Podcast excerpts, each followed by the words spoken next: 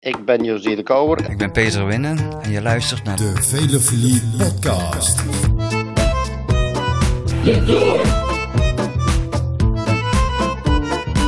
Oh là là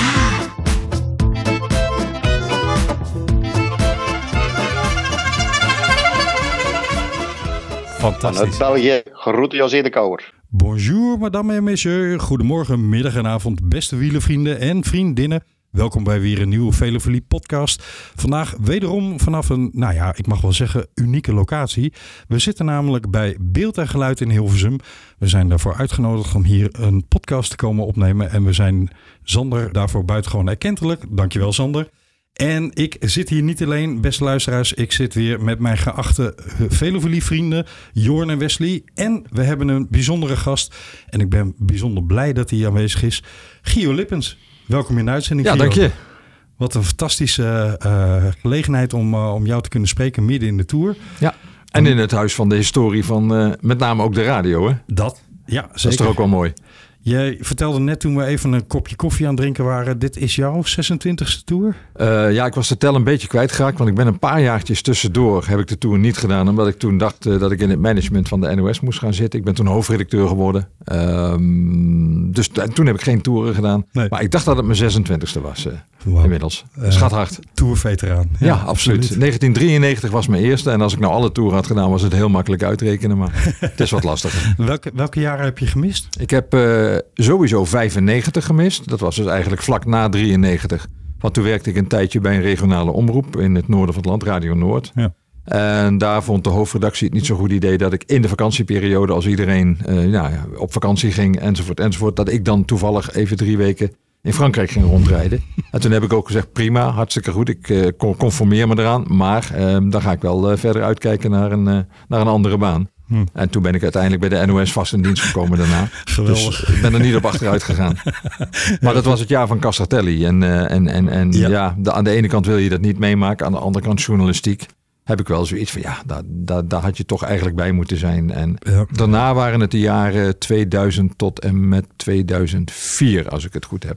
Waar ik niet eh, ben geweest, want toen zat ik dus in het management. Maar voordat je er even tussenuit stapte, zat je toen nog op de moot? Eh, ja, ik ben er eh, met name die laatste periode. Dus 1999 was mijn laatste jaar op de motor in het eerste gedeelte. Toen ben ik dus hoofdredacteur geworden. Dus Jos Freulich is toen op de motor gekomen. Oh ja, ja, ja. En Jos stopte in 2005. En toen ben ik weer terug op de motor gekomen. Toen heb ik het tot 2008 heb ik het gedaan. Want toen overleed Jacques Chapelle, hè, mijn voorganger op de Daar ben ik mee opgegroeid met Jacques ja, Chapelle. heel veel mensen denk ik. En, en, en die overleed, die werd ziek. En eh, toen hebben ze mij gevraagd van ja, wil jij dan op de finish gaan zitten? En mijn gevoel was, mijn hart gaf in van nee, nee, nee. Ik eh, wil op die motor blijven zitten, want op de motor is de mooiste plek waar je eh, de koers kunt volgen. Hè, Sebastian Timmerman, Ja. die, die, die zit daar nog steeds. En die heeft precies hetzelfde gevoel als ik. Aan de andere kant, de man op de finish is wel de anchorman. En dat is ook de man die naar de Olympische Spelen gaat en naar de wereldkampioenschappen en noem het allemaal maar op. Dus uiteindelijk heeft het verstand gekozen in plaats van het hart. Soms heb ik er nog wel eens spijt van. Ja, dat, eh, dat snap ik. Ja. Eh, ik eh, heb het genoeg gehad, Sebas, Sebastiaan. Laat ik niet te informeel gaan doen hier. Uitgebreid gesproken te hebben. We hebben daar ook een, een aflevering over gemaakt. En ja, die hebben we genoemd De Droombaan. En dat, Absoluut. Dat lijkt me wel een dekkende titel. Ik zeg altijd dat ik ook een droombaan heb, maar die van Sebas is nog net iets meer droombaan dan die van mij. Aan de andere kant, ik ben nou 64 en om nog steeds drie weken lang achterop, eh, achterop die twee wieltjes eh, mee te slingeren over de bergen. Bedoel, het is wel zwaar hoor. Het is echt eh, be- best fysiek een pittig ding. Is het na zwaar...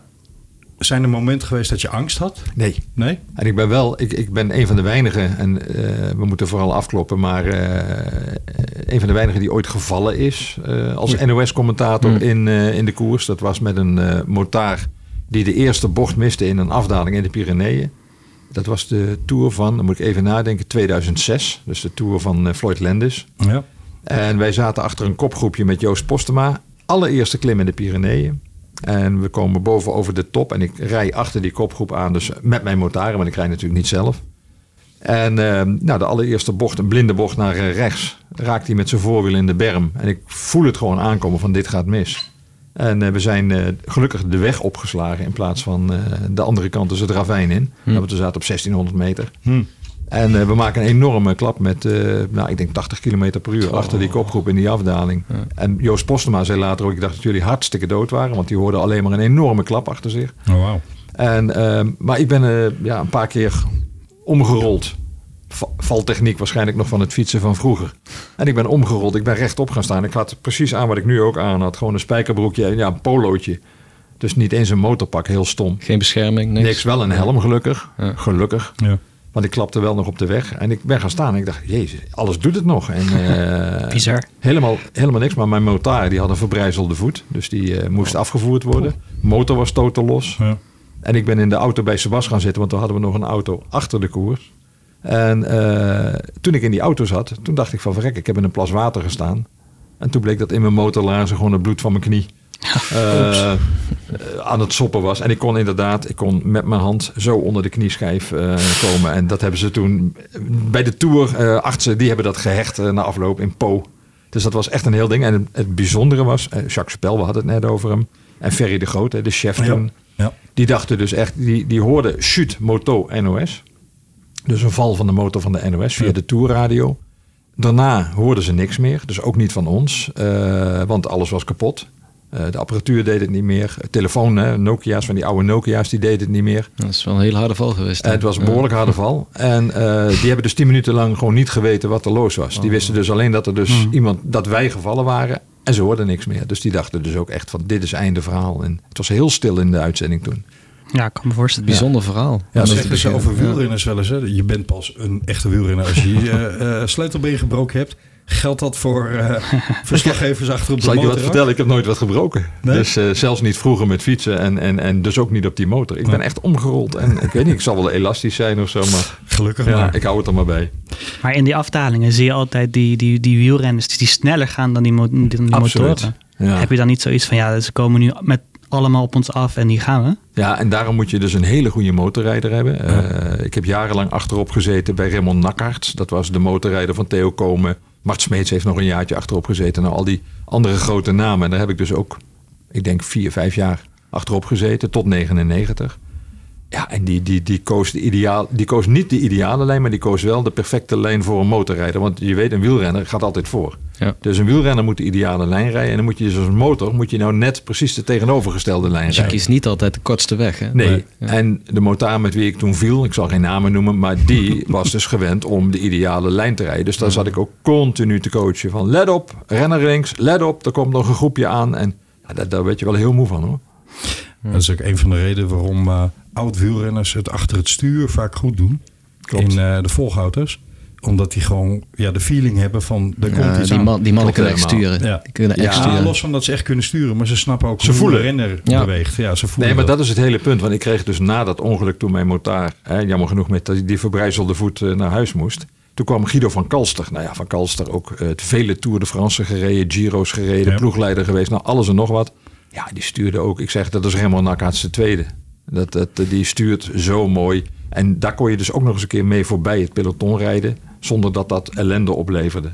Want dat is ook nogal een dingetje. Zo dat je die midden in het peloton ineens moet remmen eh, omdat ze naar links bewegen. En kan zo. niet, Ja. precies. We gaan het hebben over de Tour. We hadden het natuurlijk al een beetje over de Tour, maar we gaan het hebben over de Tour. En dan hebben we het met name, Gio, over... We zitten nu richting de tweede rustdag. We hebben een bijzonder mooi Alpenduet gehad. En we begeven ons langzaam met wat overgangsetappes richting de Pyreneeën. Dit om een beeld te schetsen voor de luisteraars. Waar zijn wij in de actualiteit?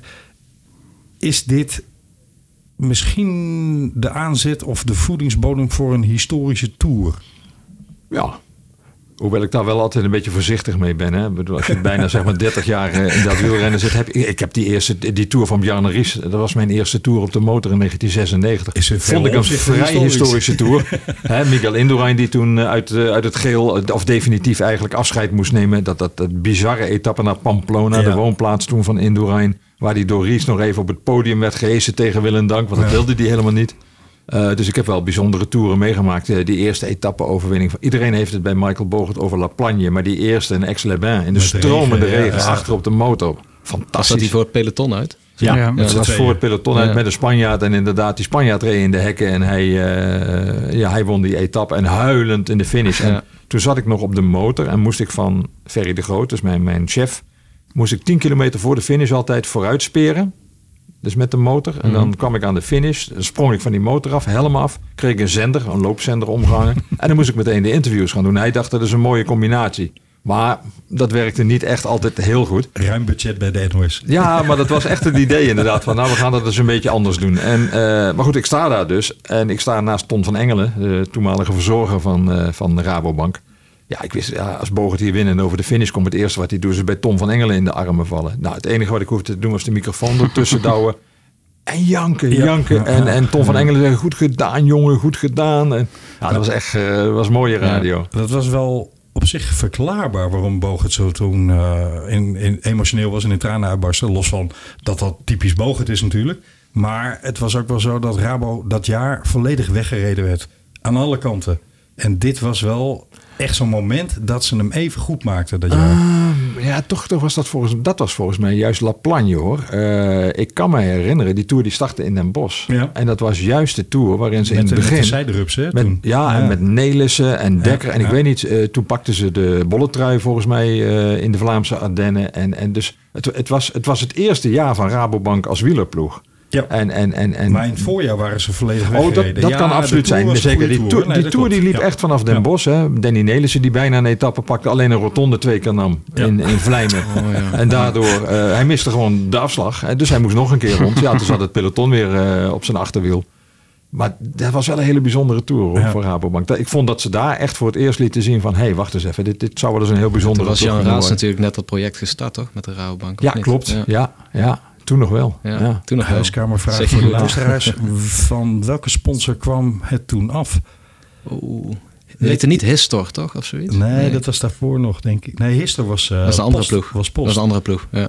Was het Novotel? Nee, Novo, no, het was, het was, Oh. het was zo'n Nou, eh, software. eh, Ik heb dat wel. Nee, Novel. Novel, dat Novel, ja, zo heet Novel. het. Ja, ja, ja. Nou weet ik het weer, ja. Maar goed, terug naar de huidige tour. want eh, Oh, jij stelde een vraag over die tour. hè? Ja, volgens mij heb je een heel ander antwoord. die historisch kan worden. Eh, Wesley, wat, wat, wat, jij hebt daar denk ik wel een feeling bij, hè? Ja, nou voor mij, ik heb de Miguel's Indurains en de Bjarne Rieses niet om in netvlies staan, helaas, zou ik willen zeggen. Maar ehm, nou ja, voor mij is dit wel de tweestrijd tussen Pogacar en, eh en. Dat is iets wat ik de laatste jaren zeker niet gezien heb. En ik heb even gekeken waar het me dan wel aan doet denken. En dat is dan de, de Rasmussen tegen Contador en Contador tegen Slek. Eh 2007 en 2010. De Ja. tweestrijd. eh, Ja, de twee, En, en, en in de Giro hadden wij het hier al even over hoe teleurstellend de Giro eigenlijk was. Omdat daar eigenlijk helemaal geen strijd was voor het klassement. En eigenlijk maar gewoon, oh, Hindley heeft gewonnen. Oh, oh ja, nou oké. Wat hebben we ervan onthouden? Vrij weinig. Ja, duels zijn toch altijd het mooiste wat er is. Hè? Precies, ja. En eigenlijk heb je heel weinig duels als het gaat om klassementen in grote het ronde. zeggen, Als, je, ja. als je nuchter kijkt, hè, wat jij zegt, Contador eh tegen Rasmussen. Ja, Ja, dat was fabuleus. Ik kan me volgens mij de Peressour er nog herinneren. Toen zat ik dus ook op de motor. En dat ze dus om en om demareerden. Dus dat ze elkaar eh, ja, voortdurend probeerden eruit te rijden. En het was dus niet een ploeg tegen een eenling zoals nu. Maar het was echt gewoon, plop, dan weer Contador. Ja, Wij, wij keken toen echt als jonge jochies, zeg maar, naar het wielrennen. Wij waren opgegroeid met de koers. Maar dat Rasmussen toen demareerde, weg bij Contador. Dat is een beeld, dat een van onze Ja. eerste mooie wielermomenten, zeg maar. Dus Ja. dat, ik denk dat Wesley daarom daar ook een beetje op te Ja, zeker. Maar hoe was dan voor jullie jongens het moment dat... Want ik was al iets meer koersveteraan dan jullie, gezien mijn leeftijd. Die van Gio houden we beleefdheidshalve gewoon in de midden. We gaan nooit zeggen dat ik 64 ben. Hè? Dat knippen we er dan ook niet uit. Ehm, maar die, die liep ook al wat langer mee. Ik weet nog dat ik het sensatie van hier tot Tokio vond... dat Rasmussen de Tour uitgegooid werd door Theo eh, de Roy. Hoe was dat voor jullie? Dat moet dan toch een behoorlijk onnuchterend moment Dat was een zijn. ramp. Ja. Ik zat toen in Frankrijk en eh, mijn vader vertelde dat toen aan mij. En ik dacht even, ik ben er helemaal klaar mee met dat wielrennen. Ja. Gewoon helemaal klaar mee. Wij zaten altijd op de camping met eh, heel stel naar zo'n klein, nou, best wel klein tv-scherm. Dat was geen beamer of zo, dat was gewoon een klein tv-scherm. Allemaal de Tour te kijken en iedereen klappen iedere dag als die Rasmus het weer goed had gedaan. En dat was wel echt, eh, ja, dan kocht je zo'n telegraaf, heel duur in Frankrijk natuurlijk, zo'n telegraaf kopen, s- s ochtends vroeg in de ochtend. En daar stond dus nog bij, ehm, Rasmussen was helemaal niet in Mexico of zo. Dat, dat was toch het verhaal? ja. Dat hij in Mexico ging trainen. Hij was helemaal niet in Mexico. Dus Hij toen- werd in Italië gesignaleerd. Ja, hè? hij werd ja, dus in ja, Italië. Maar dat Ja. stond nog niet in die telegraaf. Dat stond aan zijn zijpaginaatje van... hij zou niet helemaal... hij zou niet in Mexico zijn. Dus er was nog twijfel. Ja. En even later, eh, ja, bleek dus dat hij de Tour eh, uit was Ja. gezet. Ja, je weet, als je, als je opgroeit, dan, dan gebeuren er bepaalde dingen in de wereld die je dan de rest van je leven onthoudt. Hmm. Ja. Bij mij is het, het eerste is 9-11. Tweede is de moord op Pim Fortuyn. En derde is Michael Rasmus. Ja, Ja. ja. Dat is echt... Ik sluit me eh, hier helemaal bij aan. Ja, dat is echt hoe, hoe ik dat beleefd heb. Dat ik was vind echt... het wel een eh, beetje te veel eer voor het Rasmussen moment hoor, wat dat betreft. Zeg Ja, ook maar- wel hoe ik de koers beleef. Ja, ja, ja, ja. ja. Je, kunt horen, luisteraars, we zitten hier met echte liefhebbers. Wat dat betreft heb ik een ambivalent gevoel over dit soort perikelen, laten we het maar even zo benoemen. Want ik kan me nog herinneren, ik loop dus al wat langer mee, de Tour van, was het 88, 87? Ja, 87, dat Delgado een bepaald maskerend middel in zijn bloed had, wat niet op de lijst van de UCI stond. Het stond wel op de, de lijst van de Olympische antidopinglijst, maar niet op die van de Wielenbond. En daardoor mocht hij zeg maar in het geel doorrijden. Ja, het, hij kwam ermee weg toen. Ja. En het jaar daarna bleek het testosterongehalte van Gert-Jan Teunissen iets wat, iets wat licht uitgedrukt hoger dan toegestaan. En die kreeg gewoon keurig 10 minuten Ja, tijdstraf. nou ja, Joop Zoetemelk heeft het in het verleden natuurlijk ook Ja. wel eens gehad. En, eh, keren. ja, zeker in die tijd. Ja, kreeg je inderdaad een, eh, een tijdstraf. Ja. En eh, ja, dan kon je gewoon verder rijden. Ja. Ja, wat moeten we daarvan vinden? Ehm, Ja. Ik denk op een of andere manier toch dat dat misschien wel beter bij de sport past dan hoe we er nu mee omgaan. Maar ik wil verder niet de, de, de dopingzijstraat in. Maar het feit dat mensen zeg maar eh, op ja, vier jaar is eigenlijk bijna gewoon levenslang. Dus een werkverbod krijgen, ja, ik vind dat toch enigszins eigenaardig. Maar daar eh, gaan we het verder niet over hebben. Rebellin ontkracht dat overigens wel. dat het levenslang is.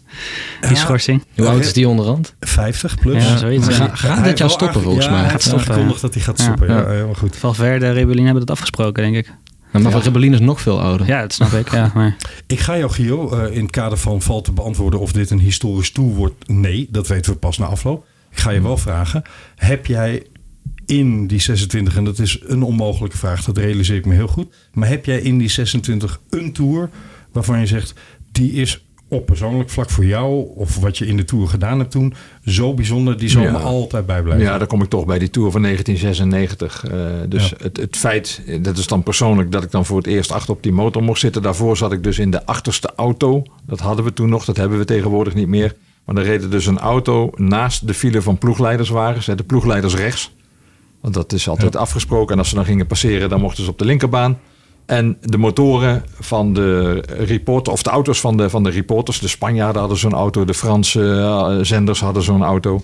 Ja, dan reed je dus gewoon in een auto achter het peloton aan. Maar dan kon je natuurlijk wel geweldig de verhalen maken aan de achterkant van de koers. Dus eh, het afstappen van, eh, van Laurent Fignon heb ik nog meegemaakt. Dus laatste, laatste kunstje. God, wie nog meer? Frans Maassen met zijn derde bal die uit de Tour ging. Valpartij. Ik heb die valpartij van Johan Bruineel in dat ravijn. Daar zaten wij... Dat was trouwens met de motor. Daar zaten we achter. Over dat... eh, Over dat ravijn. Ja. Dat, dat, dat ik dus op dat moment ook dacht van ja, ik ga nu, eh, moet ik de luisteraar gaan vertellen dat er dus iemand 200 meter diep beneden in een ravijn te pletter is geslagen. En toen heb ik ook meteen beseft van daar ga ik dus heel erg mee oppassen als Ja, radiocommentator. ik, ik heb dat nooit bewust meegekregen. Maar reed hij toen voor een Nederlandse ploeg? Hij reed toen voor Rabobank. Hij reed toen voor In dat, Rabobank. in dat ja. oranje. Hè? En, Ja. en dus je ziet dus inderdaad zo'n oranje stip. Hij reed voor ons en eh, we zien hem zo. Ja, eh, hij begint te slippen. Hij kon zijn fiets niet meer houden. En die fiets die rijdt zo met het voorwiel tegen zo'n basaltblok aan. Ja. eh, waarmee het ravijn was afgeschermd. En hij gaat gewoon over zijn stuur. En we zien hem verdwijnen. En, maar, maar dus dat, en dat is een verantwoordelijkheid die je hebt hè, als live commentator. Eh, je kunt natuurlijk alles roepen wat je wil. Maar je moet wel beseffen, er zitten dus thuis mensen mee te luisteren. Misschien wel familie. Ja. Dat je dus niet meteen moet gaan roepen, die is hartstikke dood. Hè? Bijvoorbeeld Annemiek van Vleuten. Eh, nog zo'n voorbeeldje in, eh, In Rio. in Rio. Ja. Daar zat ik met Marijn de Vries op eh, de commentaarpositie. Marijn de Vries slaat helemaal stil. Die kon niks meer zeggen. Nee. Want ja, die kende haar ook heel goed. En ja, wij hadden allebei het idee. Die heeft haar nek gebroken. Ja. En eh dat is einde verhaal. Maar maar dat heb ik dus niet Die geroepen. deed dat vermoeden. Ja, die lag echt als een geknakt, Ja, eh, ja, geknakt vogeltje daar aan de kant van de weg. En ik heb het toch niet geroepen. Ja. Ik heb gewoon gezegd, ze ligt daar. Ze, ja, voorlopig, hè, ze, ze staat niet meteen op. er zijn mensen bij haar. Maar op het moment dat we via sociale media doorkregen... dat eh, er was geloof ik een Vlaamse cameraman... die als eerste tweette, ze beweegt weer en ze zit. Dus ze is recht overeind gekomen. Ja, toen hebben we dat gemeld. Snap je? Dus dan op die manier ga je ermee om. Maar Nou goed, die Tour van 96, want we, we dwalen iedere keer wel af van die antwoorden. Dat was de bijzonderste Tour. Achter op de, de motor. Etappe-overwinning van Bogert. Volgens mij heeft Blijlevens in die Tour ook nog een etappe gewonnen. Dat heb ik ook nog meegemaakt. In Besançon geloof ik, in het oosten. En natuurlijk die belachelijke Tour van Bjarne Ries. Plus die ingekorte etappe. Ik weet niet of je dat nog kunt herinneren. Ja, met die sneeuwval. Dat we de Galibier niet over mochten. En we zouden vanuit Villa de Lans geloof ik starten. Maar in ieder geval, een aantal calls waren eruit. Ja. En we hebben toen de laatste 45 kilometer is er gekoerst. En daar heeft Ries ook de boel op de kop gezet. Ja. En ik weet nog dat wij als NOS de enige waren die daar live vandaan iets konden doen. Omdat wij als enige een vliegtuig boven de koers hadden hangen met dat slechte weer. Oké. Een piloot die het aandurfde en die ook valse informatie opgaf aan de verkeerstoren. Want anders had hij nooit mogen opstijgen. maar we waren dus de enige die daar live bij waren. vertellen. Ja. En dat, en dat is heel bizar, want ik weet nog dat dus nou, weer Ferry de Groot en alle andere technici die zaten in, aan de finish. En je hebt dan een radiowagentje hè, met, eh, ja, met boksen eromheen. En, en, en alle buitenlandse collega's die daar waren, die stonden allemaal mee te luisteren. En die vroegen dus constant aan de mensen van ons, wat zegt hij, wat zegt hij? En, en wie rijdt er op kop en wat gebeurt er? Want er waren ook geen beelden op dat moment. Mooi. Hoe is de, ehm, de wat dat betreft? Ik kan me eh, levendig voorstellen dat zo ongeveer alle Franse media een stapje voor hebben. Maar de NOS draait natuurlijk al lang mee in de Tour. Hoe is de pickorde daarin? Ja, we, we staan er niet slecht op. Eh, de pickorde die is vooral heel goed te zien in de commentaarpositie. Ja. Eh, de Fransen zitten inderdaad het dichtst bij de finish. Maar oui. En eh, dat, dat, dat zitten wij bij de Amstel. Ik zit bij de Amstel Gold Race op de streep. Dus Ja. het is wel een voordeel als je een eh, fotofinish krijgt met Pitcock en eh, Wout van Aert. Dat je dan zelf ook nog even kunt kijken. Jij bent de enige die weet wie er gewonnen heeft. Ik had Pitcock als Ja. winnaar. Echt Ja. op dat moment. Maar goed, de fotofinish, hè, en daar is heel veel over te doen geweest. Ja. Die had het niet. Maar in Frankrijk is dat natuurlijk, zijn dat de Fransen. Maar er zijn nogal wat Franse stations. TV gaat altijd weer voor radio. Ja. Daar moeten we heel simpel in zijn. Dus die zitten ook beneden. Die zitten dichtst bij het wegdek. Wij zitten boven. TV zit met afgeschermde... Ja, er zit plexiglas tussen. Een soort cabines. Wij zitten allemaal naast elkaar. Ja, En naast mij vijf tribune, schreeuwende Spanjaarden. eh, ja, ja. Ja, vijf schreeuwende Spanjaarden en aan de andere kant een Italiaan. maar ja, weet je, dat is juist voor de sfeer en voor, voor, voor de beleving is dat gewoon prachtig. Zijn er dan ook veel oud-coureurs die je dan ook bij de radio ziet? Nou, Van die eh, buitenla- van buitenlandse media? ja, ik had het net over die Tour van Lendis Ja. eh, 2006. Oscar Pereiro Sio bijvoorbeeld. Oh, leuk. Die zit bij de Spanjaarden Ja, daarnaast. ja, ja. En, en, en, en ja, daar praat je gewoon iedere dag mee. En Rolf Seurensen natuurlijk bij de Denen. Dus je hebt, je hebt eh, Chris Ankerseurens in Ja, de tijd natuurlijk, die nu verongelukt vragen, is. ja. eh, die, die zat daar ook, alleen die zat er weer bij tv natuurlijk. Dus. Maar je hebt heel eh, Sven Nijs bij de Belgische radio. Ja. Dus je hebt heel veel oud-coureurs die daar Leuk. rondlopen. En dat maakt het wel heel erg leuk om daar te zijn. Vroeger was het eh, in de Tour, het Village de Paard natuurlijk, de ontmoetingsplek ook voor renners en oud-renners. Ja. En veel, veel babbeltjes en eh, met een kopje koffie erbij en zo. Dat is er wel een beetje vanaf, hè? Ja, dat is er helemaal vanaf. En Ja. dat is begonnen met die bussen. Hè? De Ja. TVM natuurlijk, die als eerste met een bus kwam. eh, Ja. Met de Sauna Diana bus. Wat heel gezellig was, want dan mochten Die wij ook altijd... hè? Ja, zonde hè? Nou ja, dat weet ik niet. ik zeg nu iets te hard, zonde hè? Ja. Knippen we er ook niet uit. Ja, hè? nee. Dat we er zeker niet uit, nee. Mevrouw luistert niet mee. Nee hoor, nee. Maar zij waren dus als eerste met een bus in die tour. En ik weet nog dat eh, moeder Simons, hè, dus de mevrouw van, eh, van eh, het Huis van Plezier, Oei. die bakte pannenkoeken. Ja. En eh, wij mochten als journalisten mochten we gewoon die bus in met de renners van TVM en eh, gewoon pannenkoeken eten. En ja, dat was geweldig. Fantastische andere tijden sport over Ja, Ja, gemaakt. ja, ja, ja, ja, klopt. Maar het erge is wel dat het wel een trend in gang heeft gezet. En tegenwoordig is het zo, ja, die renners die blijven tot 10 minuten voor de start in de bus. Gaan dan gauw even tekenen. Doen even een verplicht perspraatje, maar ook weer achter hekken en weer in een soort van mixed zone. Ja. Ja, en gaan dan gewoon starten. Dus waar je vroeger koffie dronk met renners voor de start van een etappe, is dat er gewoon helemaal niet meer bij. Ik was bij de Giro start in Amsterdam in 2010. En toen vertrokken ze na de proloog die rondom het Olympisch Stadion plaatsvond. En daar woonde ik toevallig net 50 meter naast. En de dag daarna vertrokken ze van het Museumplein. En daar stonden inderdaad al die bussen ook al. En de renners kwamen daar zo laat mogelijk uit. Want het was op zich mooi weer, maar niet bloedheet. Maar ze zaten allemaal met gordijntjes dicht en eh, geblindeerde Ja. ramen enzovoort. En toen ze eenmaal vertrokken waren, dan zie je dat hele peloton vertrekken. Je ziet al die eh, auto's vertrekken. Dan staan die bussen er nog een tijdje. Toen dacht ik, ik sla mijn slag. Ik ga hier eens wat bidonnen scoren. En, eh, en toen kreeg ik dus bij, ik zal geen ploegnamen noemen, maar bij een bus een bidonnetje. Ze hadden eigenlijk niks. Maar we kunnen wel even in de bus kijken. En ik kreeg een bidonnetje in mijn handen. En ik denk, hé, hey, er, zit nog, eh, er zit nog een inhoud in. En ik draai die bidon open. En er zat een van de, ja, het leek bijna een soort melk, kokosmelk of zo. Een beetje witte, iets wat dikke substantie. Dat ik dacht, oké, ik weet niet wat ik hier in mijn handen heb. Je hebt nog nooit zo hard gefietst. Maar ik gooi het wel in de, ik gooi het wel in de bosjes. En eh, ik hou hier voor de rest van mijn leven mijn mond over. Nou, dat doe ik bij deze dus niet. Maar eh, nee, ja, dat, dat zijn wel hele leuke momenten. Maar het is, het is wel veranderd wat dat betreft. Jawel, jawel. En, en, en je komt gewoon als, als, als verslaggever al helemaal niet in de bus. Nee. Maar kom ik weer bij die Tour van 2006, dus na de val. Toen ben ik behandeld door Dion van Bommel, de, de ploegarts van Rabobank. Of uh, ja, ja de, de, de, dus, en die zei iedere ochtend meld jij je voor de start bij mij in de bus. En dat is dus de bus van Rabobank Tour 2006. Mhm. Rasmussen, Menschhoff, eh, eh, noem ze allemaal maar op, Bogert. En daar zat ik naast een koelkastje. Ja. En eh, mijn knie werd iedere keer keurig behandeld. En eh, ik ben te goed opgevoed om die koelkast even open te trekken en er een, een watertje of zo uit te halen. Maar later las ik dus in de, de, boeken die er lagen dat erin. daar gewoon eh, Ja. de EPO-ampullen lagen. ja, weet je, dat soort dingen. Dus dat je er zo dichtbij kunt zitten zonder dat je uiteindelijk de waarheid achterhaalt. Dat is, dat is wel heel bizar. Zo zie je maar. Maar normaal kom je dus, want iedereen had ook, Bogert zei ook, wat, wat doet hij, godverdorie, in die bus? En we willen, eh, we- dat willen geen journalisten in de bus. Eind jaren tachtig, hè? Eh, het duo Rooks, Teunissen. Journalisten gewoon s'avonds op de hotelkamer. Zeker, blijlevens, Met, met achter om het bed heen, Ja. bij wijze van Ja. spreken. Ja. Maar wat, wat denk je dat je had gedaan als je wel de koelkast had opengetrokken? Had ik me A, doodgeschrokken, denk ik. Zo, Mhm. shit jongens, wat is dit? Ja, ja, journalistiek gezien denk ik toch dat ik eh, naar buiten was gekomen met het verhaal. Ja. Maar Als je überhaupt de bus was uitgekomen. als ik de bus nog was uitgekomen, dan hadden ze me denk ik ergens onder een luikje gestopt. eh, was ik nog vermist geweest. Nou kan ik me voorstellen, want we hadden het daar straks over Cassatelli. En dat is toevallig een klim die ik regelmatig opgereden ben. We gaan een deze dagen naar Foix toe. Foix is hartstikke leuk. Maar het is ook een prima plekje om van daaruit eh, wat mooie Pyrenee-calls te doen. Maar die Portet d'Asper ben ik ook regelmatig afgereden. Dat is ook een enge afdaling. Maar ik zal nooit vergeten het moment dat Michael Bogert, wat zeg Erik ik? Ja. ja. Ik weet wat je Ja, wil zeggen. Ja.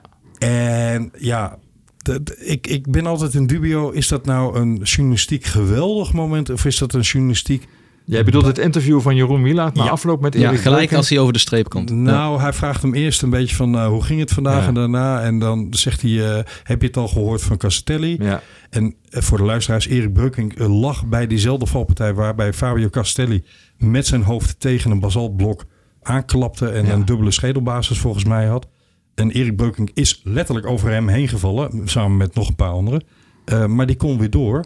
Finishte rijkelijk laat in die etappe. Want hij zei ook, ik ben met schrik in de benen... elke afdaling verder doorgereden. Dus eh, die had geloof ik 10 minuten of 12 minuten achterstand of zoiets op de winnaar. En toen kreeg je de vraag van Jeroen Wielaert... weet je het al van Castelli? Hmm. En toen zei eh, Erik Beukink nee. Eh, en toen zei Castelli, ja, hij is overleden. En dan zie je Erik Beukink letterlijk in beeld helemaal aftakelen. Ja, ja. Compleet instorten. Maar journalistiek gewoon echt wel de enige goede vraag natuurlijk die Ja. je kunt stellen op dat moment. En, Eens. kijk, en Breukink heeft hem ook gezien, dus die wist ook wel dat het heel ernstig was. ja, Maar goed, hij wist niet dat hij overleden was. Dus ja, maar je Kijk, ziet menselijk hem moeilijk. mens worden. Echt ja, ja, letterlijk. ja, ja. Ja. Ik vond, het, Maar het vooral is omdat het toen officieel tv. bekend ook was dat hij dood was, snap je? Dus dan vind ik het wel verantwoord. Maar dat is dus het hele verhaal wat ik ook net vertelde van achter Bruineel. Van op moment, en achter eh, Van Vleuten op het moment dat het nog onzeker is. Ja, hoe de toestand is van iemand. Trouwens, je ziet dat in de Formule 1 ook tegenwoordig. Ja. En, en, en in de motorsport. Ze weg, eh, Meteen ja. niet daar beelden op hebben. Want je kunt je de beelden van Wouter Weiland ongetwijfeld nog herinneren. Zeker. Dat daar die camera maar opbleef. Ja, dat, dat vind ik zo fout. Dat je het bloed echt zag stromen. Ja, dat is ja. echt bizar. Ja, maar ik denk wat Gio net beschrijft, is eigenlijk die momenten in de huiskamer dat mensen echt zitten te duimen en in onzekerheid zitten. Dat is denk ik het momentum wat jij nou vader en beschrijft. moeder zijn. Ja, precies. Ja, wat dacht je van precies. Fabio Jacobsen Ja. in, eh, in Ja. Polen? Dat moment precies. zat ik dus voor de televisie inderdaad. En ik heb gewoon de tv uitgezet. Echt. Ja? Ik Ja. kon het niet zien. Ja, want toen kwamen ze met een herhaling. Ja, van die kon val. ik ook niet kijken. Ik heb Nee. hem uitgezet. Ik dacht, ik hoef hem niet meer te zien. En ik ben, ik denk een half uur later, ben ik op sociale media gaan kijken. En op, eh, op de app zo van, oké, is daar het bericht dat hij overleden is? hey, hij leeft nog. Hij is naar het ziekenhuis gebracht. En dan, toen, toen ben ik weer gaan kijken. Dat was echt zoiets van, nou, dit, dit wil je gewoon niet weten. Dat wil je niet zien. terug naar de actuele tour, valt mij op, en het woord valt is hier wel van toepassing, dat Caleb Ewan er weer een handje van had. Nou zijn er in het, in het peloton natuurlijk coureurs die bekend staan, Roglic is er zo een, die bekend staan om, nou laten we het even eufemistisch zeggen, niet bepaald de grootste stuurmanskunsten eh, in huis te hebben.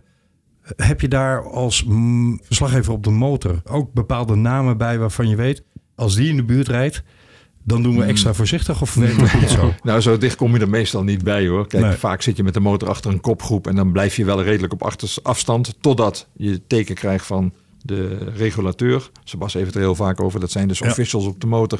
Van joh, je mag er even bij, want je bent on direct, hè, je bent live. Precies. Nou, dan ga je er wel naast rijden, maar zo dicht ernaast rijden dat je bij wijze van spreken moet oppassen dat iemand geen onverhoedse beweging maakt.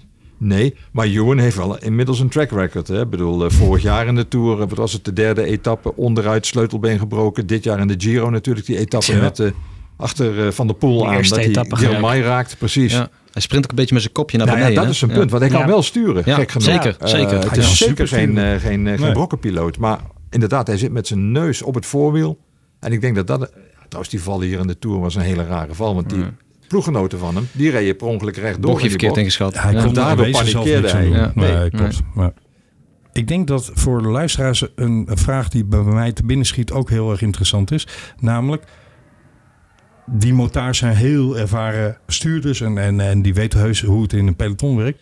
Maar soms, en dat kan misschien cameravertekening zijn, soms zie je een motor zo dicht bij een renner, zeker in de afdaling rijden, dat zelfs ik, en ik heb afdalingen gereden en ik heb in een peloton rondgereden, maar zelfs ik wel eens denk, en wat nou als hij valt? Ja. Wat doe je dan als motor?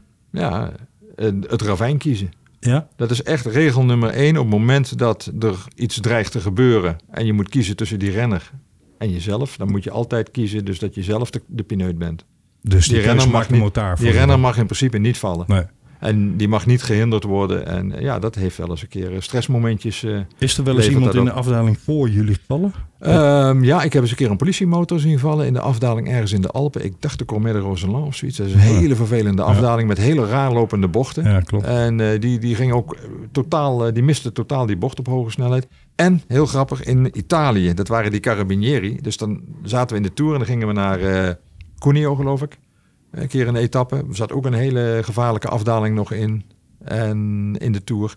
En ja, die, die, die Italianen, joh, op die grote Moto Guzzi's. Dat zijn die enorme motoren. Die Fransen rijden gewoon een stuk beter. En die Italianen zijn van die showmannetjes. Die hebben bijna ook allemaal van die operettenpakjes aan. eh. en, en ja hoor, de een na de ander. Ik bedoel, ze, ze vlogen gewoon eh, aan alle kanten vlogen ze eraf. En dat, dat vond ik echt wel heel grappig. Maar een, een, een renner, een coureur voor je neus? Of dat nou ja, eh Bruineel dus. Ja. Ik heb met de auto achter die verschrikkelijke val. Dat is nog, nog langer geleden voor jullie helemaal. Jalabert, Wilfried Nelissen. Ach, jeetje. die ja. val met die politieagent die die foto wilde maken. Ja.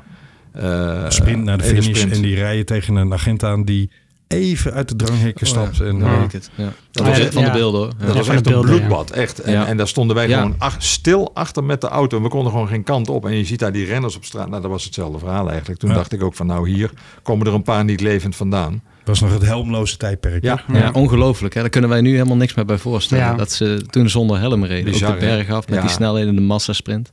ja. Ja. We hadden het Rio net al eh, uitgebreid over de Rabo. En, en een van de, nou, laten we zeggen, makkers van de Rabo was dat ze, de Rabobank wielenploeg, was dat ze eigenlijk als kopmannen alleen maar buitenlanders hadden. Ja. Dat is natuurlijk Jumbo-Visma eh, geëvalueerd vanuit de Rabobankploeg. Heeft toch wel een tijdje het beleid gehad. We willen het Nederlandse wielrennen. Hè, net zoals dat eh, onder Jan Raas het stimulatieplan was. De Nederlandse jeugd, de Nederlandse wielrennen een kans geven we rijden inmiddels toch weer eigenlijk een beetje in de Rabobank situatie met buitenlandse kopmannen. En wat voor? Wout van Aert, de beste renner ter wereld op dit moment in mijn optiek. Primoz Roglic. En eh, ik zal het nu eens voor het eerst in de uitzending, beste luisteraars, goed zeggen. Want ik heb het opgezocht. Je moet dus zeggen Jonas Vingegaard.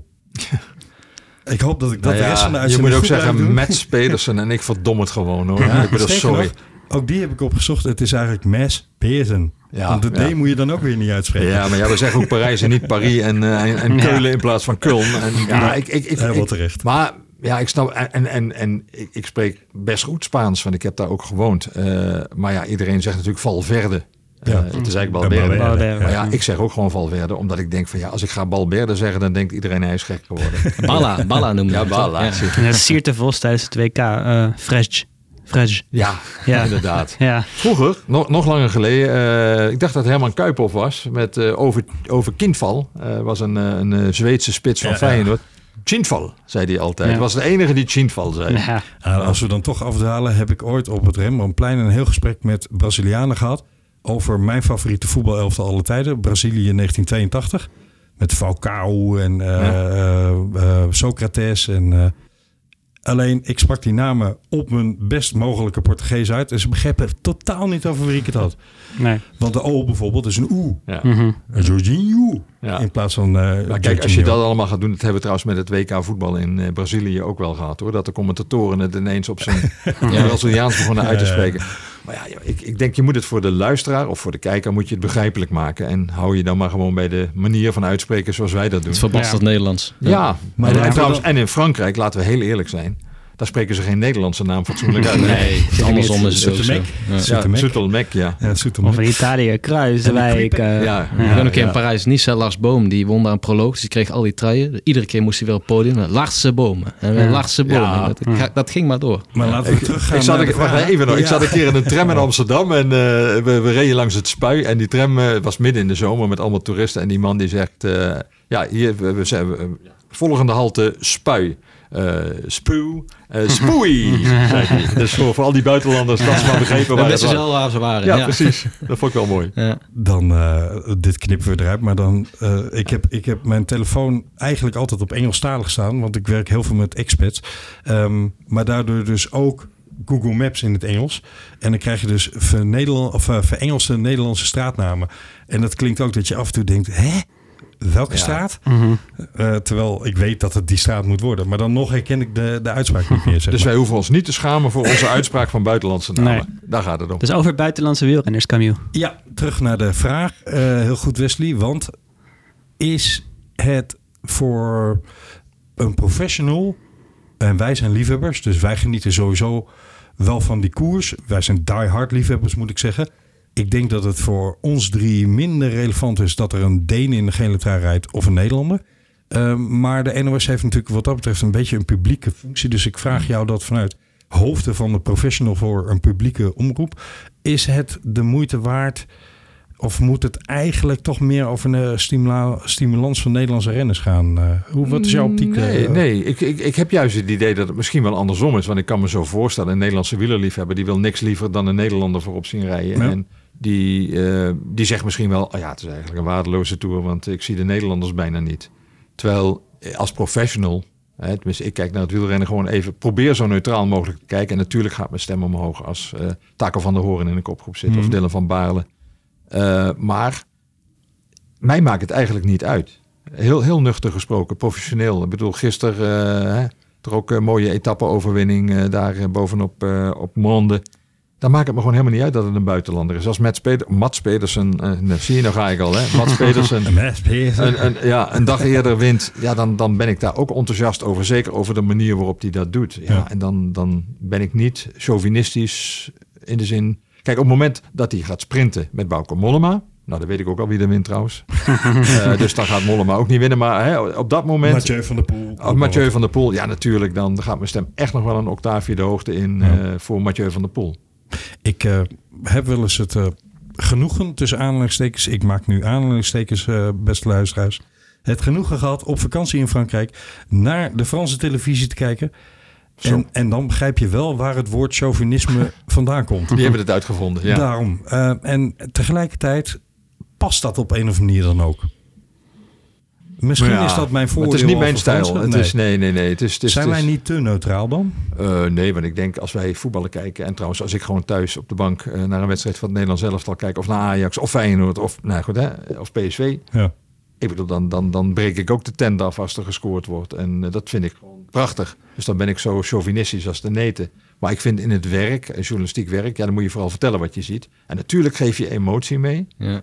Maar dat moet natuurlijk nooit zo erg zijn dat je daarmee bijvoorbeeld de prestaties van buitenlandse renners kleineert. Heb jij wel heb een keer de eh, Colombiaanse commentatoren Ja. ook gehoord? Ja, want ik weet, niet, die, ik weet niet hoe lang die al echt zo meegaan. Volgens mij al heel lang, denk Ja. ik, of niet? Ja, die gaan helemaal los. Ja. Dat is echt ongelooflijk. Dat com- eh, Colombiaanse commentaar, als je even denkt van... nou, ik vind de koers wel saai worden... switch als het kan naar Colombiaans commentaar en het wordt weer een spektakel. Ja, klopt. Carapaz, hè? Ecuador. Nee, dat is in Ecuador, ja. Maar Ja. die wordt, ja. Ja, nee, nee, maar, nee, maar, Richard, Richard, ja. Carapaz. Richie, Richie. nee, maar het leuke van YouTube is inderdaad dat je die filmpjes kunt zien Ja. van de Colombiaanse kampioenschappen en zo. En als je en, zie je Ja. een valpartij inderdaad eh, vlak voor de finish en dan man, man, man, man. Nou, als je ze dan gisteren, tekeer hoort. voor de luisteraars, Ja. wij nemen dit op op zondag 17 juli.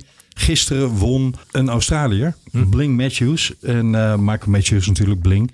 En zag ik inderdaad een filmpje van de. Australische commentatoren. Waarvan ik dacht, toen ik het aanklikte, nou, die gaan los. Nee. Want Matthews had vijf jaar niet gewonnen in de Tour. Matthews heeft natuurlijk een ingewikkeld ja, aantal jaren achter de rug. En wint een werkelijk schitterende etappe waarbij hij eh, op Bettiol eh, terugkwam en, en over hem heen ging. En dat was, vond ik toch wel onverwachts. En eh, ja, gedurfd koersen werd weer eens beloond. En toch, die Australiërs die bleven zo cool. Dat Ja, ik dacht, ik vond het ook opvallend. Ik mis, hier, ik mis hier gewoon emotie. Nee, maar ik ken die commentator, die hoofdcommentator vrij goed. En dat is een hele rustige jongen. Ja. Dus, eh, en tv-commentaar is natuurlijk ook heel anders dan radiocommentaar. hè, Want met name die Colombianen die jij dan af en toe hoort. Ja. Dat zijn vooral de radiocommentatoren. Ja, klopt. Die Eh, staan ook altijd met het vingertje te wijzen hè, van Porto Colombia. Weet Ja. je wel, geweldig. Toen met Bernal. Dat Echt, was echt ongelooflijk. Maar ik heb ze nog meegemaakt, nog langer geleden. eh was net na Herrera, want dat was weer te vroeg voor mij. Eh, ik ben daarna in 1983, koers ja. gekomen. Maar eh, ik heb ze nog meegemaakt op het WK in San Sebastian. Daar won Brochard. Eh, daar was Zat van Bon in de kopgroep. Oh ja. En dat was bij de mannenkoers, eh, bij de, sorry, de amateurkoers, was het laatste amateurkampioenschap. Hè, Danny het Nelissen. Nee, Nee, dat, Dat, was Colombia. Dat was Colombia. Ja, sorry. Ja. Arvissen, Arvissen won Oh. daar. Ja, Koert- Koert Arvissen. Ja. En er was een bomaanslag. Twee eh, blokken verderop. Er werd een auto opgeblazen in de straat tegenover een bank. Tijdens de finish van die koers. En die Colombianen, die, zaten, die hadden dus geen commentaarpositie. Hadden ze of het geld niet voor. Of eh, die zaten onder de tri- tribune waar wij zaten. Moet je je voorstellen. Dus je kijkt Niet vanwege de bom, daar zaten ze al. Nee, maar je kijkt gewoon tussen de planken naar beneden en dan zie je dus die Colombianen met een mobiele telefoon. en, eh, en, en ik hoorde meteen explosion, bomba, eh, heel verhaal. Ja, ja, ja. Ah, dat ging tekeer, joh. Dat was echt niet normaal. En Jean Nelissen die zat toen naast me. En die, en die hoor ik zeggen, en dan begint het nog te onweren ook. die, die dacht gewoon echt dat het gewoon een eh, donderbui was. eh, ja. Als, als ik even een schaal schets eh, waarbij zeg maar 0 qua emotie Mart Smeets is en 10 Jack van Gelder, waar zit jij dan? Acht, 8, oké. denk ik. Is dat dan interne emotie of komt het ook echt naar buiten? Dat komt echt naar buiten. Ja. Ja, dat is echt wel. ehm, zet mij achter een monitor en het beweegt en er gebeurt iets. Dan zit ik er zo in dat ik ook. Ik ga ook in tempo mee. Dus op het moment dat er een massasprint aankomt, ja, dan gaat je tempo ook omhoog. Ja, ja. Kijk, en ik kan best heel rustig zijn zoals nu.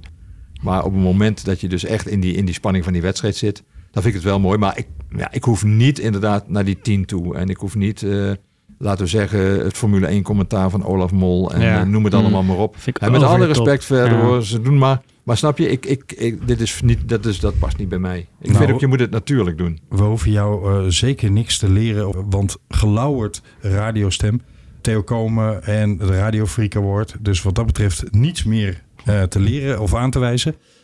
Maar toch zijn er momenten dat jij van jezelf zegt, bijvoorbeeld als je het over een massasprint hebt, de verkeerde winnaar roepen. Of een andere uitspraak live op eh, de microfoon doen waarvan je achteraf denkt, oei, had ik dat toen maar niet gezegd. Ja, of een, eh, moment van timing wat net even verkeerd uitkomt. Eh, Ja. Dat kan wel eens gebeuren. Of dat je bijvoorbeeld na een finish iets te breedsprakig afrondt. Terwijl ik juist het idee heb van na zo'n finish, hè, zoals gisteren. Matthews komt over die streep en dan moet je gewoon vrij snel, pats, mooi afsluiten. Ja. Dat, dat staat ook mooi. Dat, dat, het is ook prettig. Ook, dat kan de studio meteen oppakken. Ja, eigenlijk heb ik bijna dagelijks wel dat ik wel een keer een momentje heb dat ik denk, oh ja, oh, dat wil ik toch anders doen. Maar dat vind ik, dat moet ook. Je moet ook altijd blijven leren. Ja. Eh, en ik heb ook echt wel eens een winnaar verkeerd gehad. Eh, zelfs in deze tour, geloof ik. Wat was dat? Noem eens een, een, een van de sprints die heel close was. En dat was niet Groenewegen, Jacobsen. Oh, dat was wel de eerste die ik zou willen zeggen van Ja. die was close. Ja. Van Aert Groenewegen? Nee. Nee. Volgens mij later van een groepje. Eh, ah, Oh, met Ah, Schultz. ja, Met de- Schultz. met de eh, taco. Ja, Taco, met. Taco van. Ik gaf Taco Oh. van der Hoorn. Oh, toen, Oké. ja. Omdat ik echt het idee had dat hij zijn wiel eerder over die streep drukte. Maar ja, toen zag je het. Kijk, want je ziet het van voren natuurlijk. Hè, want je ziet gewoon dat beeld. Ik heb hetzelfde beeld als wat iedereen in de huiskamer heeft. Heel veel mensen Ja. denken dat wij zes verschillende camerastandpunten hebben. Maar je ziet dus maar één beeld. En dan zie je ze van voren komen. Ik dacht echt dat Taco van der Hoorn. En dan zie je het in één keer van opzij. En dan zie je dus dat het, nou ja, Een banddikte. dubbele Ja, banddikte of dubbele zo. banddikte, Ja. ja. En dan denk je van, ja, shit. Maar dat overkomt me niet vaak. Voordat ik naar een, een soort van afsluitend onderwerp wil gaan, namelijk de moderne tour ten opzichte van de ouderwetse tour. En laten we bij ouderwets maar even aan de jaren 80 bijvoorbeeld denken. Wil ik eerst nog vragen, mag jij van jezelf, maar ook van, vanuit werkoptiek, een band met bepaalde renners hebben? Nee. Nee. En dat, is, dat heeft met mij te maken, met mijn werkoptiek. Ik Ja. vind, eh, je moet niet te close raken met eh, de mensen die je ook eh, beroepsmatig ja, moet, moet interviewen. waar je kritisch op moet kunnen zijn als het nodig is. Maar het helpt wel, soms.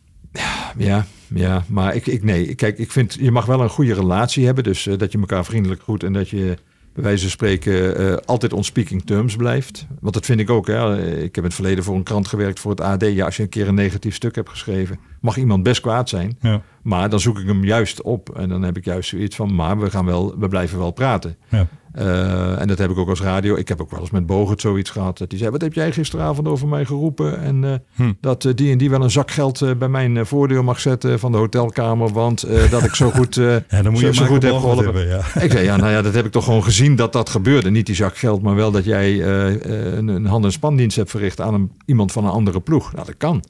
Nou, en, maar ja, dan vind ik, dan moet je dat ook uitspreken en daarna verder gaan. Maar dat had ik al in atletiek. Was natuurlijk een nog gevaarlijker eh, gebied, omdat je daar ook veel met eh, vrouwen te maken hebt. Mhm. Dus daar kun je ook wel close mee raken. Oost-Duitsland-periode ook nog. Ja, Daarvoor, ja. maar daar kun je ook close mee raken, Oh, zeg maar. In die Ja, zin. sorry. En Ja. dat heb ik wel meegemaakt, dat collega's relaties kregen met atleten. ja, Ah. daar ben, daar ben je geklopt, hè. Daar kun je dus nooit meer iets zeggen over zo iemand. En, eh, dus ik heb echt altijd, terwijl ik echt heel veel, ook in de atletiek tijd, in de tijd, Elle van Lange, Stella Jongmans, dat soort Nederlandse toppers. Mm. Ja, daar was ik heel ja, close mee in die zin dat ik er wel mee sprak, maar Ja. wel altijd gewoon afstand gehouden. Want dat is eigenlijk jouw achtergrond, hè, wat sportverslaggeving betreft. Als Ja. eerste, hè, atletiek. Ja, maar ook toevallig hoor. Ik, ik, wa- ik was gewoon een wieler, eh, wielerliefhebber, net als jullie. Ja. Ehm, en ik ben echt opgegroeid in Limburg met wielrennen. Eh, dus, dus voor mij was wielrennen gewoon de mooiste sport om te doen. Alleen toevallig bij het AD was er een eh, plek voor een eh, atletiekverslaggever. Dus ja, toen ben ik meteen eh, in de atletiek gerold. Eh, in de tijd van Ben Johnson, Carl Lewis, noem ze allemaal maar op. Was Ook niet geen verkeerd. verkeerde periode Nee. om... eh, En een leuke wereld ook hoor. doen, ja. Best wel een hele bijzondere wereld. Ja. Hm. Gisteren hoorde ik Michiel Elijssen in de podcast van Thijs Sonneveld en Hidde van Warmerdam in het wiel. Een verrassende openhartig, niet per se voor hem verrassend, maar wel verrassend voor het wielenpeloton vertellen over zo'n zak geld. En dat Nico Verhoeven daar vroeger een meester in was. Die zei dan gewoon, eh daar reed een van de klein Bulgaars ploegje geloof ik of zo mee. En dan zei hij, nou die zijn het goedkoopst, maar die rijden wel hard. Dus die eh, krijgen per dag betaald om dan eh, een, eh, een winnaarsstrijd eh, over de streep te trekken. Het gebeurt natuurlijk. We weten het allemaal. Ja. Hè? De combines en de conchies en soort. Maar toch hoor je er vaak niks over. Is dat een soort van, als ik daarover praat, dan verlies ik mijn informatiebronnen of zo? Of is dat niet nee, zo? Nee, het is veel meer zoiets van dat je het soms niet weet, dat je het wel kunt vermoeden. Ja. En dan moet je dat vermoeden ook gewoon uitspreken. Dat, dat is ook vaak leuk, maar dan moet je er wel bij zeggen. Het is een vermoeden, ik heb er geen bewijzen voor. Hetzelfde als met het dopingonderwerp in het verleden. Hè, dat je zo close bent en uiteindelijk toch niet Ja. bij de waarheid komt. Ja, we kunnen wel roepen dat eh, Rasmus eh, stijf staat van de doping op het moment dat hij die Tour nog aan het rijden is in Ja. 2007. Mhm.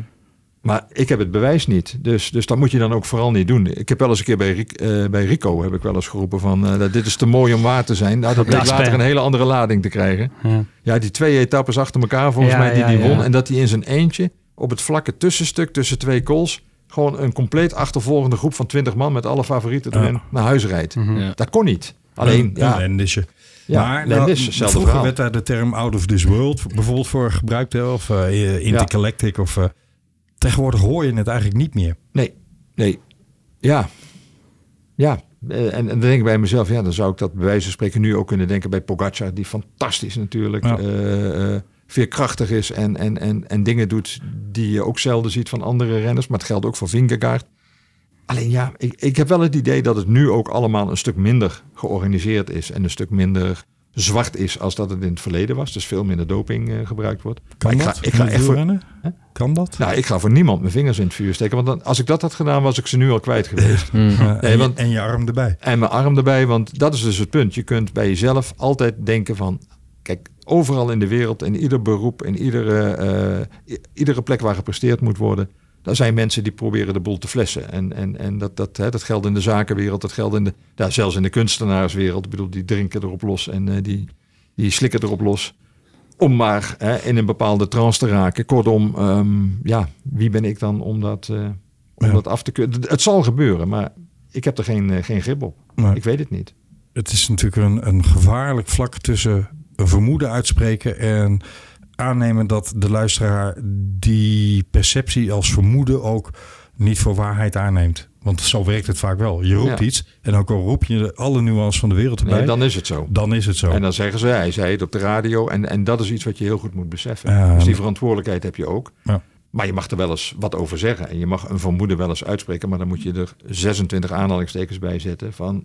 Die, het zijn vermoedens. En ik heb geen idee, ik kan het niet bewijzen. Maar toen je dus Rasmussen wel zag rijden in die Tour, of, of een Rico, Ja, dan denk je wel echt van, van, nou... jongens, wat gebeurt hier? Ja. En zie je dat dan ook echt aan ja, eh, gezichtsuitdrukking of is het echt alleen prestaties? ja, dat vind ik een lastige. Als je het alleen aan de prestaties zou, zou aflezen... Dan, dan, dan zou je eigenlijk iedere bijzondere prestatie in de topsport... zou je verdacht moeten maken. Hè? Dat gebeurt wel. Hè? In Frankrijk heb je zo'n... eh, voormalige Ja. ja. eh, Foyer, eh, Faillet. Eh, dat, is, dat is iemand die, die tegenwoordig die op internet... kilowatts.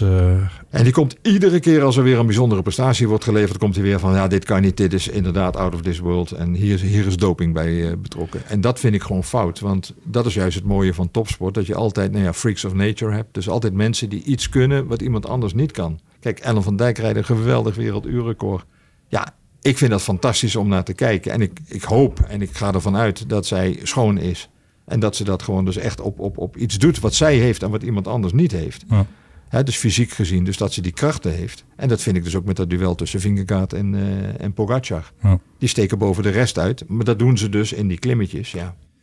Even tussendoor, haar vriend van Ellen van Dijk, Benjamin de Bruin, is met een, eh, of is waarschijnlijk nu klaar, maar met een bijzondere prestatie bezig. Guinness Book of Record poging. Acht landen in 24 uur. Dus ehm, Het is hem gelukt. het is hem gelukt. Ik heb hè? het gelezen. Ja. Ja. op Twitter zag ik dat hij, eh, dat hij 22 uur en nog wat. Hij Ja. moest het binnen 24 uur doen. En hij had nog iets van 20 minuten oponthoud bij de grens van, ik dacht Kroatië, Ja. waar ze hem tegenhielden. Maar eh, hij heeft het gered. Knap hoor. Applausje voor Benjamin de Bruin ook. Dus dat is een eh, sportief huishouden, beste luisteraars. Maar over ja, vermoedens. Ik heb het vermoeden dat de ASO, en weliswaar is de tekenaar van de parcours van de Tour de France een oud coureur. Dus er zal ook wel gewoon echt vakkennis in het ontwerp van elk parcours van de Tour elk jaar weer zitten. Maar ik heb toch het vermoeden dat we een tendens hebben.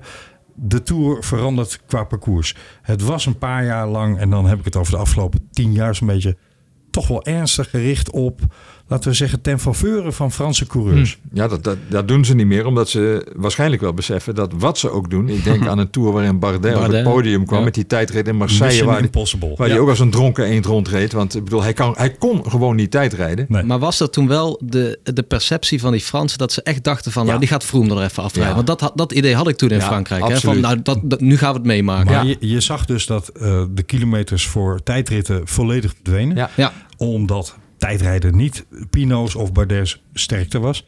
En eh, we hebben nu een parcours wat, wat volgens mij heel erg aansluit bij de huidige generatie coureurs. We zagen gisteren in die etappe naar Mande, Pocatje vroeg in, in de opening van de etappe al aanvallen doen. Waarvan je denkt, als je nog 183 kilometer moet en je komt solo te zitten, wat ga je dan doen?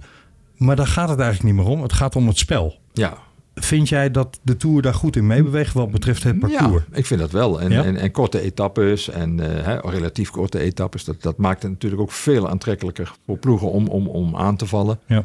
Kijk, en, en wat jij net zegt over een tourorganisatie die ten faveur van een Fransman doet, dat is, ik bedoel, Fransen zijn ook net gewoon mensen. Eh, Nou. in, in, in, in, nee, maar de Ronde van Zwitserland is ooit eens een keer zo ingericht dat Fabian Cancellara. Daar kon winnen. Terwijl Ja. dat nou niet de, de meest begenadigde klimmer was.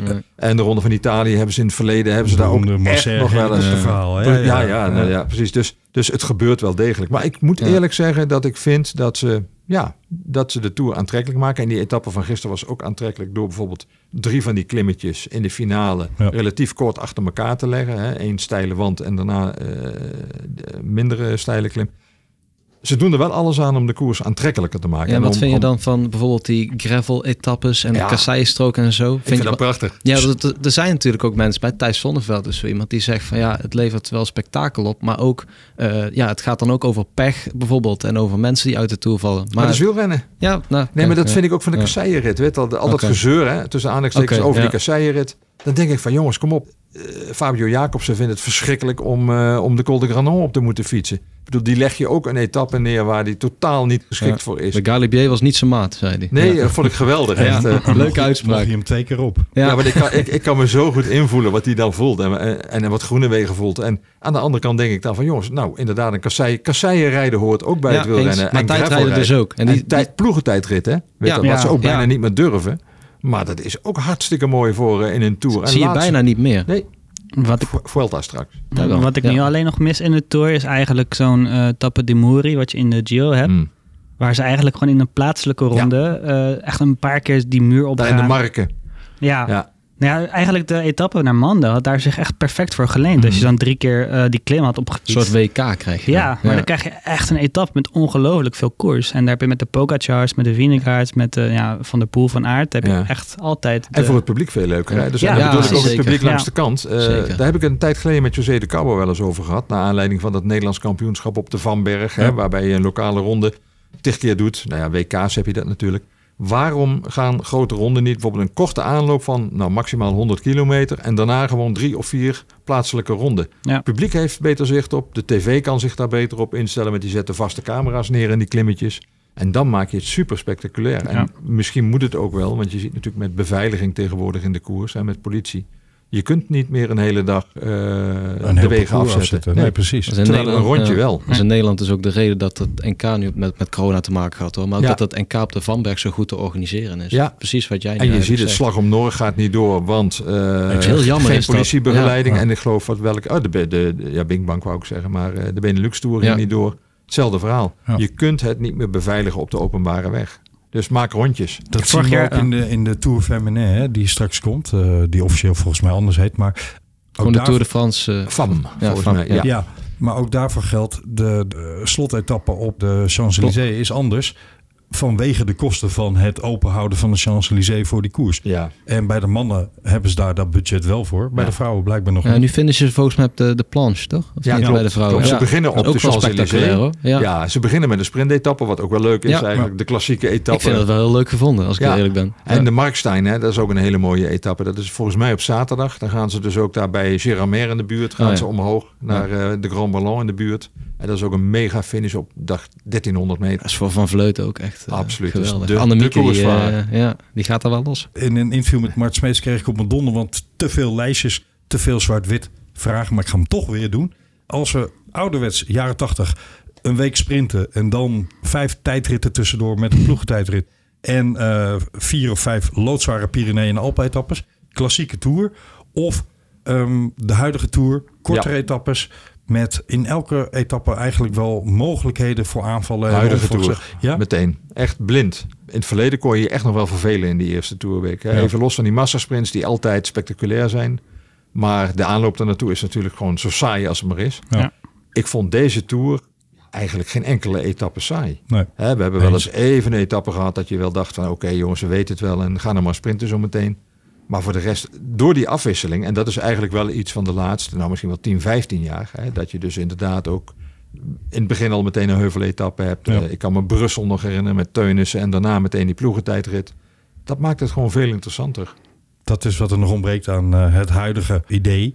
Iets meer tijdritkilometers. Dat zou Ja. in mijn optiek eh, ja, bijna de volmaakte... Ja, en die ploegentijdrit dus. hè. Zo'n Ja. mooi onderdeel. Dat je wil je eigenlijk ieder jaar... Het is net als met roeien, hè, met de Holland 8. Hè. Die, Ja. die achten, joh, er is niks mooiers dan dat geweld te zien van acht man die gewoon echt op volle kracht Ja. lopen te beuken. En dan die ploegleidersauto erachteraan. Ja. Maar met de, met de Spanjaarden vooral. Ja. Winga, winga! Ja, met, ja, de, met de ploegentijdritten, deze, deze verhoudingen pakt Jumbo-Visma wel gelijk direct drie minuten Ja, dat is natuurlijk. waar. Dat is Dus- waar. Dat is waar. Dat is Ja, waar. ja. Nou ja, dat kan Dat ook deed Cancellara met verrassende- met zijn ploeg vroeger wel. Ja, eh, ja. En Manolo Sainz was dat toch? Die dan erachter stond te Ja. tetteren altijd bij de... Wat was, was dat toen nog? Eh, Onze. Ja, Onze? Onze en Banesto, eh, dat weet ik niet meer. dat was niet Sainz geloof ik. Maar maakt verder niet uit. Sainz was wel eh notoir bekend om zijn herrie. eh, Ja, zeker. Want in Die- Eindhoven hebben ze toen ook nog een ploegentijdrit tijdje gehad. Hè? Ja. En dat was dus die, die Sainz, die, die Ja. hoorde je echt wel wel aankomen. met Ja. zijn megafoon zelfs. Ja, ja, ja, ja. Stef. Clement heeft daar nog nachtmerries over. Die heeft toen eens een keer een hele ploeg reed bij die Franse ploeg. Ik weet begon niet meer wat was het. Bouygues Telecom. Ja, En die heeft toen eh, de halve ploeg eh, in een bocht mee onderuit genomen. Omdat hij iets te voortvarend die bocht in eh, knalde. Eric Heiden deed hetzelfde. Toen eh 7-Eleven, eh, nou hij nam niet, al, hij had een lekker band, Ja. kon er ook niet zoveel aan doen. Maar daardoor gingen er ook vier man de stoeprand Ja, op. eh, ja, ja. En ik denk aan Daniel Martin eh, ooit. eh, dat was de Garmin? tour ja, die in, Ier- die in eh, Ierland startte. In Dublin. ja. En Oh, ja. die ging toen ook na twee, drie kilometer foef, onderuit. Einde tour. ik weet dat nog. Ja. We zeiden net, want we gaan afronden. We zeiden net, er is niets moois. Jawel, er is zeker wel wat moois. Het staat letterlijk voor mijn neus, maar het is voor jou, Gio. Een eh, fles mooie Amarone. Ik eh, Daar hoop... ben ik erg blij mee. Ja, eh, ik heb er, want ik weet dat je in Amsterdam woont. Ik heb er een eh Amsterdams worstje bij gedaan. En wat Spaanse mooie gedroogde ham. Heel fijn. Eh, ik wil je in ieder geval ontzettend danken voor je aanwezigheid in de podcast. Zoals eerder en zoals altijd weer een enorm genoegen. En eh, ik hoop je ook in de toekomst nog weer eens te mogen verwelkomen. Wij gaan niet de lucht uit, beste luisteraars. Hoewel dit een podcast is, dus we zijn niet in de lucht. Maar we zijn bij beeld en geluid en dat is wel een echte radioomgeving ook. Dus vandaar dat die term misschien wel passend is. Klets ik me daar mooi onderuit of niet? Nee. Nee, oké. Dan faal ik. Toch een slotvraag voor Gio. En dat is de meest onmogelijke alle tijden, maar ik ga hem toch doen. Wie wint de Tour? Fingerguard. Vingegaard, oké. Vanaf het begin af aan geroepen. Eh, wij voorspellen altijd eh, bij Radio Tour de France met, eh, met onder andere de analisten erbij en de andere commentatoren. Ik heb vanaf het begin af aan Vingegaard geroepen. Ik riep gisteren trouwens ook voor de etappe al Luis Leon Sanchez. Maar ja, helaas, die sneuvelde dan eh, op die slotklim. Maar hij zat er wel bij. Wesley, Klas. Ja. deze wordt lastig voor jou. Want we hebben zojuist deze ochtend eh, het nieuws gekregen... dat degene die jij zo ontzettend hard 100% zeker wist... de Tour verlaten heeft, namelijk Primoz Roglic. Ja. ja, jammer. Ja, hij ging hem natuurlijk sowieso niet meer winnen. Nee. Maar ehm, ja, hij moet maar eerst eh, gewoon op zijn fiets blijven zitten. Ja, maar hij had, ik denk het wel gewoon nog steeds de sterkste geweest dit jaar. Maar wie, wie gaat hem winnen nu? Ja, Vingegaard, ja. Jorn? Ik sluit me daar helemaal bij aan. Ja? Ja. Unaniem. Ja, Oh jongens, ik, zou, ik, weet je, ik ga helemaal stuk als Bardet hem wint. Maar dat gaat natuurlijk niet gebeuren. Maar wat zou dat een stunt zijn? Die hele Tour gewoon totaal niet meer op een Franse Ja, leest. dan gaat Frankrijk helemaal los. Dat, Maar eh, heeft wel leren tijdrijden. hè? zeker, En bij DSM, verbeterd. echt waar, dat heeft iemand Spekenbrink vanaf het moment dat hij Bardet aantrok. Ik weet dat ik hem aan de telefoon had en zei, maar wat moet je nou met zo'n ge- zo'n gearriveerde renner die gewoon niet eens kan tijdrijden? Hij zegt, wij krijgen hem aan het tijdrijden. En dat is heel knap, want dat dat, is is bij echt- Landa nooit gelukt. Absoluut, ja. ja. Ik kies eh, tegen de algemene tendens hier aan tafel in. Ik kies voor uh, Pogacar. Gaat niet gebeuren, maar ik kies er wel voor. Dankjewel, Gio.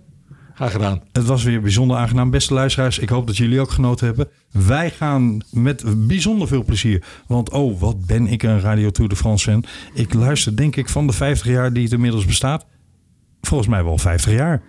Wij gaan in het Tourcafé zitten hier bij Beeld en Geluid in Hilversum. Daar kun je als luisteraar ook naartoe. Ga dan even naar de website van Beeld en Geluid en daar kun je je aanmelden.